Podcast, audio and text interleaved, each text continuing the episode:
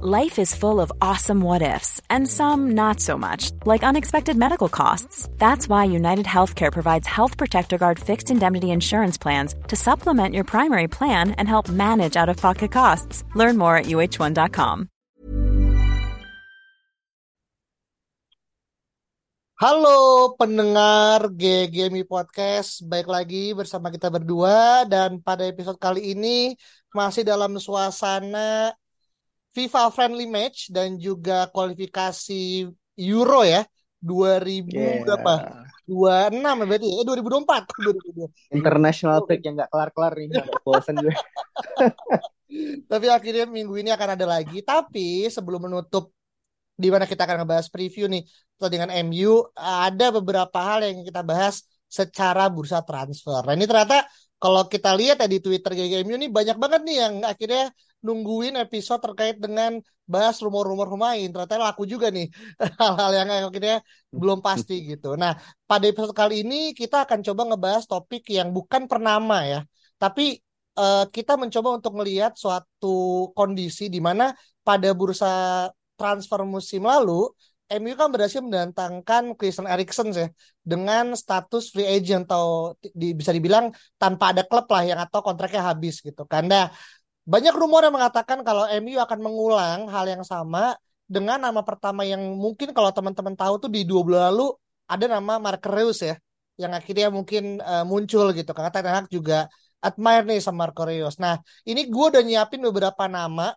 yang mungkin bisa menjadi opsi untuk kita ambil di bursa transfer eh, musim musim ini gitu, musim eh, akhir di bulan Juli gitu kan. Tapi gue nanya dulu nih ke lu, Ung. Dengan opsi yang akhirnya kita mendapatkan pemain gratis ya, quote unquote, Mhm. cuman ngebayar asin gaji, menurut lu adalah suatu langkah yang oke atau justru malah akhirnya dengan kita nanti punya pemilik baru, justru ini nggak akan kita ambil karena kita udah punya uang yang cukup untuk mendatangkan pemain yang quote unquote ya nggak apa punya kontrak tapi bisa kita tebus gitu. Ung. Nah, sebenarnya asalkan pemainnya eh, profilnya tepat gitu ya, I don't see why not sih gitu untuk kita eh, apa namanya ulangi lagi ya kesuksesan kita untuk mendatangkan pemain-pemain free agent gitu. Karena memang di musim panas depan itu free agentnya lumayan lumayan banyak ya dan lumayan menarik gitu bahkan kayak nama-nama seperti uh, Marco Asensio gitu atau bahkan kayak Karim Benzema gitu kan Hmm. atau mungkin Marco Reus ya tadi yang tadi lo bilang itu semuanya free agent gitu di musim panas depan jadi kayak andai kata kita punya kesempatan untuk mendatangkan para pemain tersebut secara gratis gitu kan dan dengan uh, nominal gaji yang tidak fantastis ya karena Ten Hag udah bikin suatu handicap gitu ya suatu cap bahwa pemain-pemain yang datang ke United itu gajinya tidak lebih dari 250 ribu men gitu ya kan jadi Hmm. uh, siapa pun nanti pemain bintang yang datang mau itu free agent atau enggak asalkan profilnya tepat dan juga sesuai dengan standar gaji di United sih menurut gue sih go-go aja sih Oke, berarti lebih kepada profil pemain dan juga bagaimana pemain itu bisa blend in ya dengan eh, Hmm. struktur gaji MU yang sekarang udah lebih ketat nih dengan akhirnya kebijakan i- internal gitu. Nah, tapi kalau kita lihat tadi kan lu nyebut nama ya, ada eh, Karim Benzema gitu, Mark Reus, eh sorry Mhm. Reus dan juga Asensio. Itu kan nama-nama player A ya gitu. Tapi ini gue coba Mhm. ngasih lu lima nama nih eh, yang mungkin lu juga familiar juga nih. Eh, dan mungkin nanti kita bisa bahas satu persatu ya dari nama-nama ini kira-kira mana yang oke, mana yang no, dan mana yang maybe gitu kan. Nah, nama pertama adalah Yuri Tillmans. Yang mana Hmm. akhirnya kita juga pernah bahas ya Yuri Tillmans juga di beberapa episode ke belakang gitu kan. Jadi bukan nama baru lah dan dia akan expire kontraknya di akhir musim ditambah juga Leicester yang ya bisa dibilang angin-anginan ya dan mungkin kalau dia tidak cukup eh, berhasil untuk bisa eh, apa namanya bertahan mungkin akan degradasi yang mana kemungkinan Tillmans akan cabut akan lebih tinggi gitu. Nah, lu lihat Tillmans free agent untuk diambil sebagai backup atau bahkan sebagai pemain yang bisa eh, apa namanya week in week out kira-kira oke nggak? Menarik sih uh, Yuri Tillmans karena pertama dia udah proven ya di Premier League ya. Dia bisa menghadapi intensitas uh, Premier League yang sebegitu ketatnya gitu. Dan juga Leicester juga tidak bisa memberikan counter offer yang menarik gitu kan kepada Yuri Tillmans apalagi dengan uh, situasi di sana yang mungkin cukup uh, menyedihkan ya gitu kan dengan ancaman degradasi dan yang lain sebagainya gitu. Dan tapi kalau misalkan dia digadang-gadang menjadi seorang starter menurut gue sih ini um, apa ya kayaknya terlalu terlalu cepat sih men untuk untuk kita menentukan hal itu sih. Karena hmm. apa ya kita tuh butuh seorang pemain yang bisa membawa uh, United itu to the next level gitu. Dan gue tidak merasa Yuri Tillmans adalah sosok profil yang tepat gitu. Walaupun kalau misalkan dia didatangkan oleh Ten Hag untuk menjadi uh, apa namanya uh, second player gitu ya gue sih nggak masalah gitu. Karena ya tadi gitu gue gue nggak tahu apakah nanti ke depannya McTominay akan cabut gitu kan. Mungkin Newcastle juga sempat tertarik katanya. Dan juga apakah Erikson masih bisa apa namanya uh, apa namanya mengikuti jejak United yang sangat banyak ini gamesnya gitu ya. Dan juga uh, Fred juga udah cukup tua menurut gue gitu kan. Casemiro juga walaupun secara permainan mereka berdua masih tetap oke okay, cuman kan ya usia tetap bertambah gitu. Dan itu tidak bisa bohong kan. Jadi gue lebih prefer kita mendatangkan uh, pemain muda sih entah itu Jude Bellingham atau mungkin ya Frank De gitu jadi kalau misalnya kita tidak bisa mendapatkan dua itu dan kita harus memilih gitu kan kasarannya apakah kita harus datang midfield atau striker, ya gue better duitnya lo beliin buat striker tapi ya, ya lo datengin Juri Tillman sih. Jadi itu pilihan yang cukup fair sih menurut gue. Oke, berarti lu lebih ngerasa akhirnya Tillmans pun dengan MU yang sekarang udah to the next level ya. Mhm. Iya kan, mhm. dan kita juga udah punya nama-nama macam Marcel Sabitzer gitu, yang mana ya. kalau ngomongin secara rotational player kita juga nggak ya udah udah sek, udah apa ya udah lumayan oke okay lah kalau kita ngomongin sekarang yeah, gitu kan. not him lah bro Iya kan, jadi kalau misalkan MU dua tiga musim lalu ya di mana akhirnya mungkin tidak yeah, kalau misalkan uh. kalau misalkan di zaman Ole mungkin dia masih oke okay lah gitu. Masih masih cocok lah menurut gua gitu. Cuman kalau sekarang uh, butuh butuh pemain yang berbeda sih menurut gue iya iya iya iya iya. Oke jadi kasarnya lu akan ngambil dengan catatan satu tidak sebagai pemain inti dua lebih kepada akhirnya mungkin opsi terakhir plus kita udah datangin juga pemain uh, kelas wahid ya untuk di tengah ya entah itu Jude mm -hmm. atau bahkan sekelas uh, Frank De Jong yang akhirnya menjadi target mm -hmm. utama gitu kan. Jadi Tillman itu sebagai kayak pemanis lah ya, cherry on top yeah, untuk yeah. memper uh, apa ya, memperdalam atau memperkokoh squad player mm -hmm. kita gitu. Uh, oke, okay, berarti Jude Tillman yeah, oke okay dengan nice to have tapi not necessary lah. Oke, okay, nice. Nah ini yang kedua nih, ini gue cukup yakin menimbulkan pro kontra. Itu adalah Adrian Rabiot dari ya Juventus yang juga kontraknya akan habis di akhir musim. Nah, gimana nih untuk Adrian Rabiot nih dengan label dia sebagai pemenang Piala Dunia loh gitu kan. Tak meskipun uh. tahun 2018 ya. Tapi gimana lo ngeliat ya uh, rumor Rabiot misalkan harus ke MU?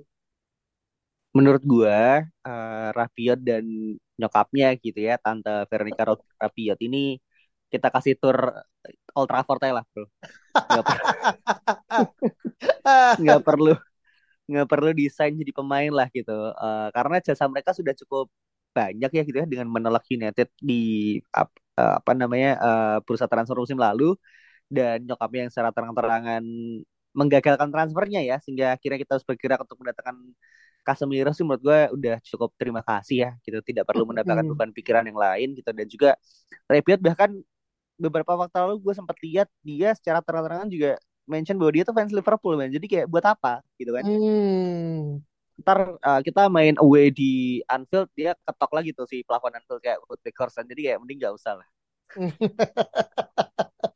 jadi ini nih jadi double burden ya. Satu emang kita udah pernah punya suasana yang keruh ya dengan mm. Rabio dan juga ibunya nyokapnya di bursa transfer sama musim lalu yang ternyata blessing in disguise orang ini justru mendatangkan Casemiro. Yang kedua ini yang mungkin lebih tidak bisa tolerir ya dalam hmm. ini adalah pendukung dari fans rival gitu. Yang mana menurut gue lucu kalau akhirnya kita mendatangkan pemain yang ya sejati dia dari awal bahkan statement secara clear ya, keluar on clear hmm. gitu kan kalau apa namanya dia adalah fans Liverpool yang mana menurut gue sih udah udah red flag lah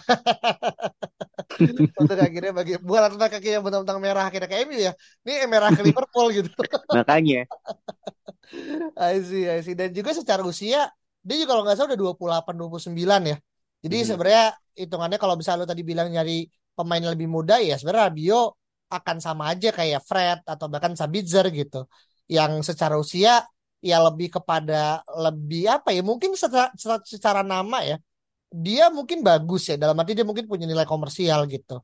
Tapi secara value di lapangan dan gue juga sempat dengar beberapa keluhan keluhan fans Juve temen gue pun juga ngelihat ya Rabiot ya B aja gitu di Juventus gitu. Bukan dalam porsi dia akhirnya menjadi pemain yang harus dipertahankan juga gitu. Dan kayak Ya. Juve juga nggak ngebet-ngebet banget ya untuk akhirnya nawarin kontrak gitu. Jadi kita bisa ngelihat lah ya bagaimana akhirnya pemain itu kadang kan belum taken kontrak entah karena emang pemain ini value-nya udah turun Ah, atau ya memang klubnya memang ya lagi mempersiapkan kontrak terbaik gitu. betul, Ya kan? betul. Jadi Mhm. ini harus di eh, apa namanya disikapi. Jadi untuk Rabiot kita bisa bilang no ya. Bahkan No, hell no. Thank no, you next no. gitu kan. Ah.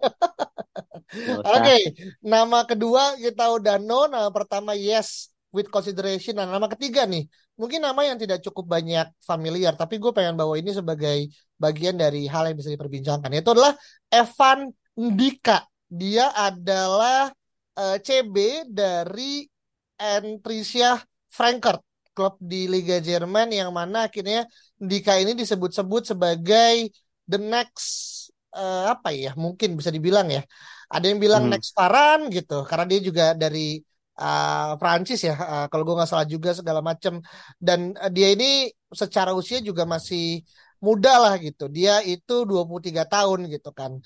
Uh, dan Mhm.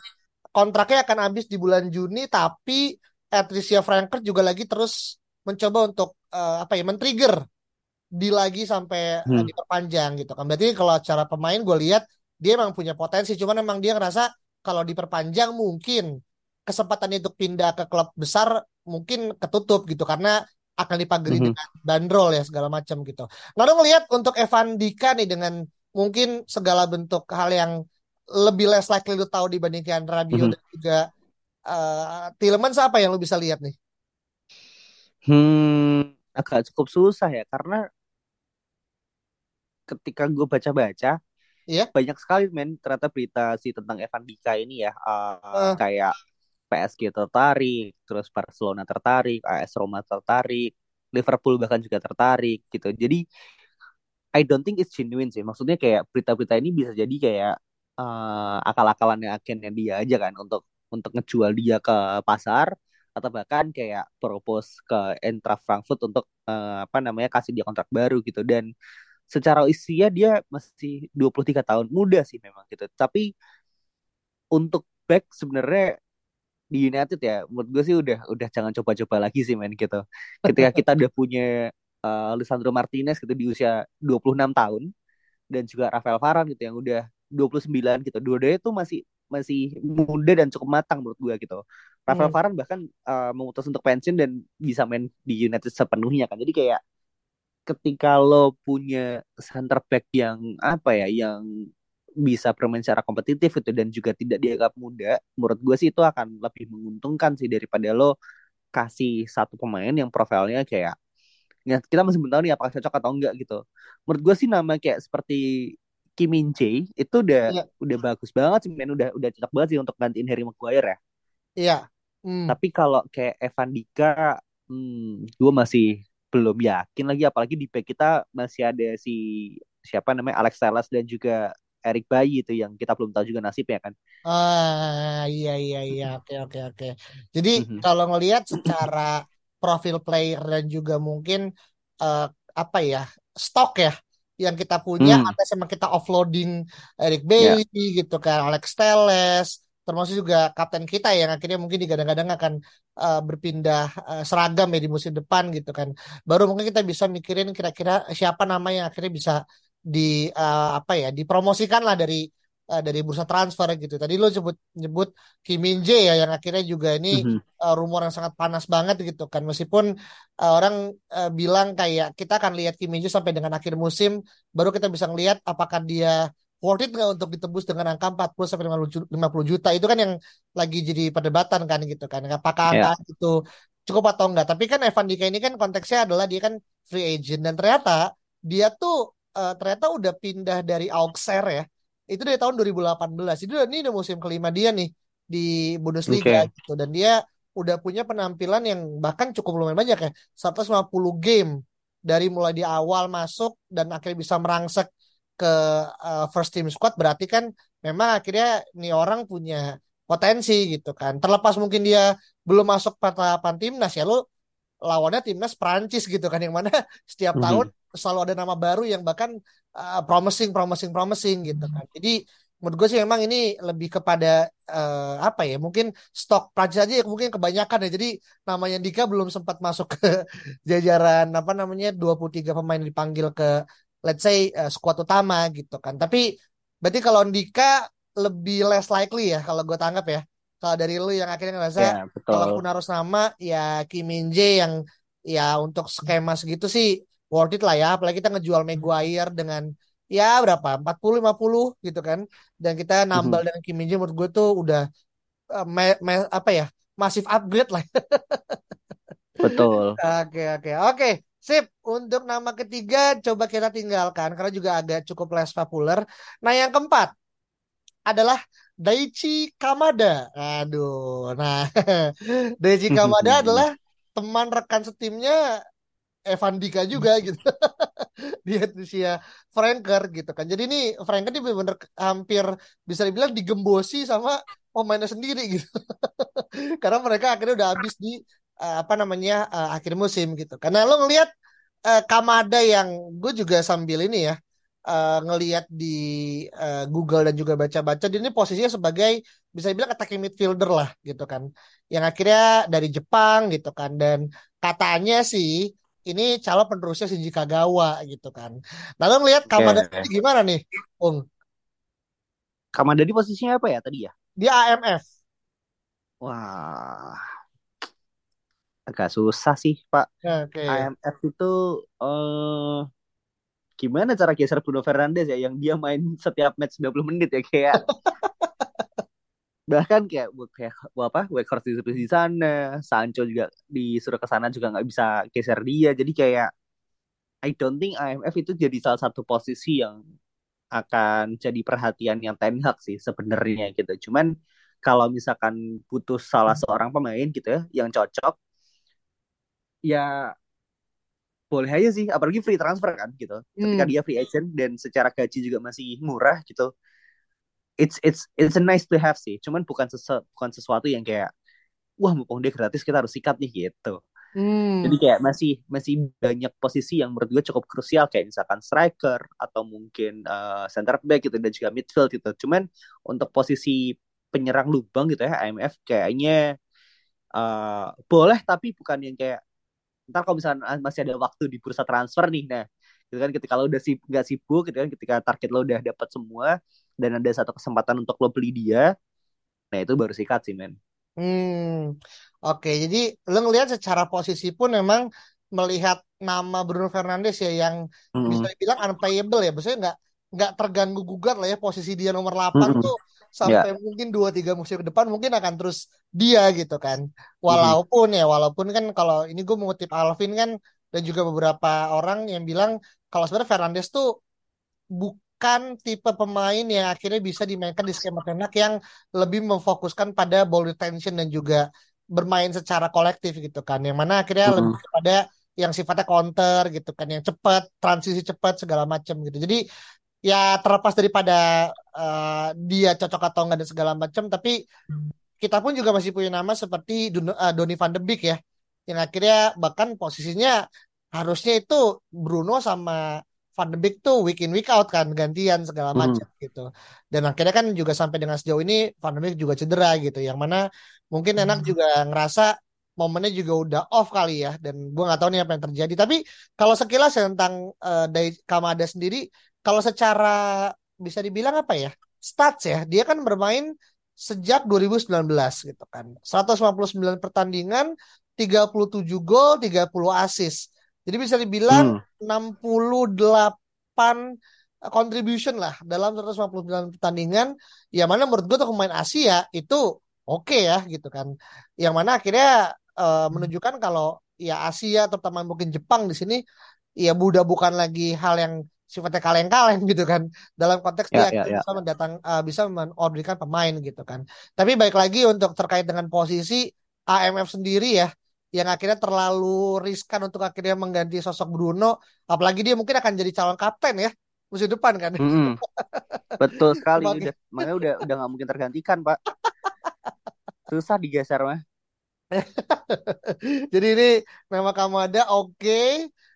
Dan kalaupun iya, mungkin gue ngerasa kayak ya sebagai pelapis ya ujung-ujungnya kan. Itu pun kalau emang Tenak juga Mm-mm. Uh, tertarik gitu kan. Dan sampai sekarang bahkan di antara rumor-rumor yang kita tadi empat nama tadi ya, Kamada yang bahkan sama sekali belum ada interkorelasinya dengan uh, perpindahan ke United. Berdasarkan dari beberapa ini ya, apa namanya jurnalis dan juga mungkin rumor kan segala macam gitu. Nah mungkin yang terakhir nih, eh gue pengen nyebut ini satu paket tapi gue ngerasa nama yang ini tuh lebih cocok untuk diambil ketimbang yang satu lagi yaitu adalah Marco Asensio gitu kan. Yang mana tadi lu juga sebutin nih Mm. dia akan Mhm. eh, habis juga nih kan kontraknya di akhir musim gitu kan. Kenapa gue nggak bilang Benzema karena less likely kali ya Benzema juga akan eh, cabut karena dia juga udah posisi sebagai legend dan mungkin dia pengen ya, mengakhiri karir aja gitu di Madrid gitu kan. Tapi kalau Asensio yang notabene masih cukup lumayan muda gitu kan eh, di usia produktif bahkan kalau nggak salah sekarang 26 ya Asensio ya gitu kan. Ya. Yang mana dengan eh, konteksnya dia sekarang udah mulai tidak menjadi starter eleven ya karena kan kalah sama Valverde sama Rodrigo gitu kan. Lalu gimana ngeliat akhirnya Asensio apakah cukup bisa memberikan suatu nilai berbeda untuk kita bisa dapatkan gitu kan secara eh, dia akhirnya free agent? Ini udah jadi perbincangan ya di bursa transfer eh, musim lalu kalau nggak salah. Eh, Marco Asensio sempat ditawarkan juga ke United dan Ten kayaknya tidak tertarik ya. Padahal kayaknya eh, dulu masih belum free agent sih ya. Eh, tapi kayak ditebus murah kalau nggak salah berapa belas juta pounds gitu. Dan ketika opportunity ini datang, apa namanya? eh, kayaknya sih masih sebenarnya namanya nama yang nama yang besar ya, nama yang kayak apa namanya ya Asensio bro gitu. Secara permainan juga oke dan dia juga sempat berkontribusi apa namanya eh, memberikan gelar-gelar di Real Madrid gitu. Cuman gue nggak tahu lagi dia mau main di mana gitu. Apakah di sayap juga udah ada Antonio, udah ada Rashford gitu kan. Di tengah juga yang tadi kita bilang ya Bruno Fernandes juga susah digoyang gitu. Jadi kayak mau di mana sih lebih tepatnya? Karena dia dia tuh pasti nggak mungkin lo datin dia kan nggak mungkin untuk jadi second string kan gitu. Hmm. Jadi eh susah sih man ketika lo punya nama walaupun lo free agent lo tetap harus bayar gaji dia secara eh secara ini ya secara marketnya dia gitu sih agak susah sih nih pemain sih menurut gua Hmm. jadi Oke. kayak eh, eh, masih masih gue masih belum ketahuan sih sejujurnya untuk untuk Marco Asensio karena cuman gue agak cukup yakin bahwa dia nggak akan dikejar oleh United sih. Kalau misalkan Unitednya ini masih United Solskjaer atau Unitednya Van Hal atau even Mourinho gitu ya, ini udah pasti dikejar gitu. Karena pembelian pemain itu kan size-nya itu dulu kan bukan di manajer tapi di uh, board kan gitu. Iya.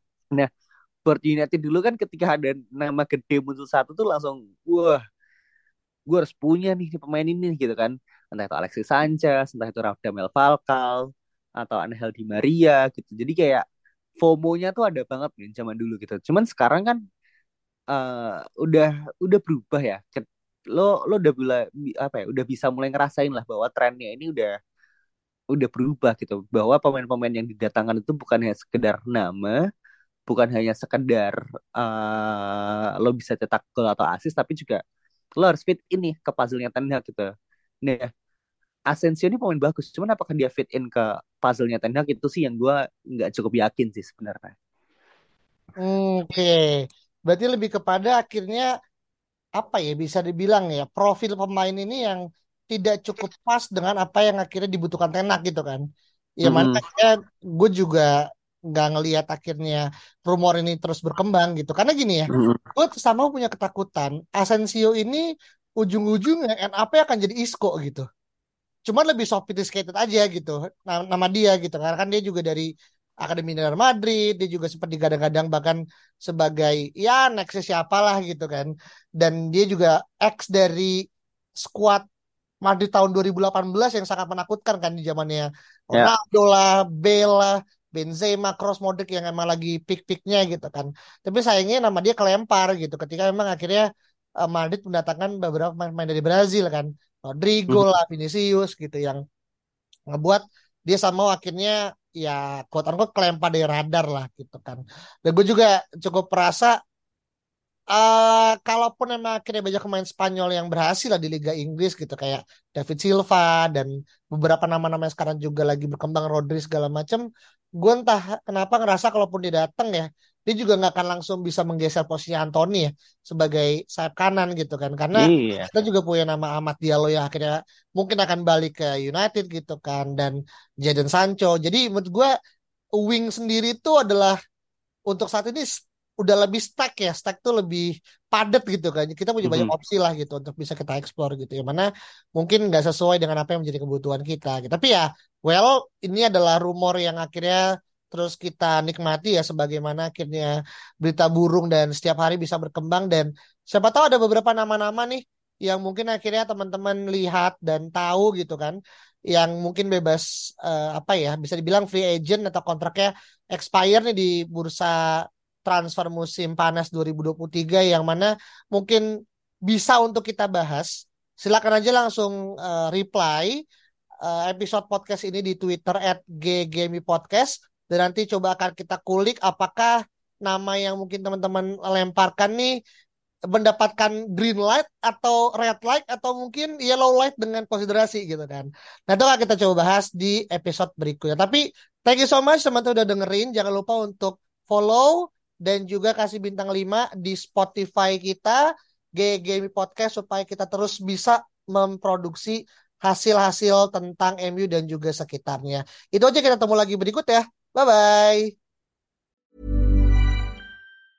Mom deserves the best, and there's no better place to shop for Mother's Day than Whole Foods Market. They're your destination for unbeatable savings, from premium gifts to show-stopping flowers and irresistible desserts. Start by saving 33% with Prime on all body care and candles. Then get a 15-stem bunch of tulips for just $9.99 each with Prime. Round out Mom's menu with festive rosé, irresistible berry chantilly cake, and more special treats. Come celebrate Mother's Day at Whole Foods Market.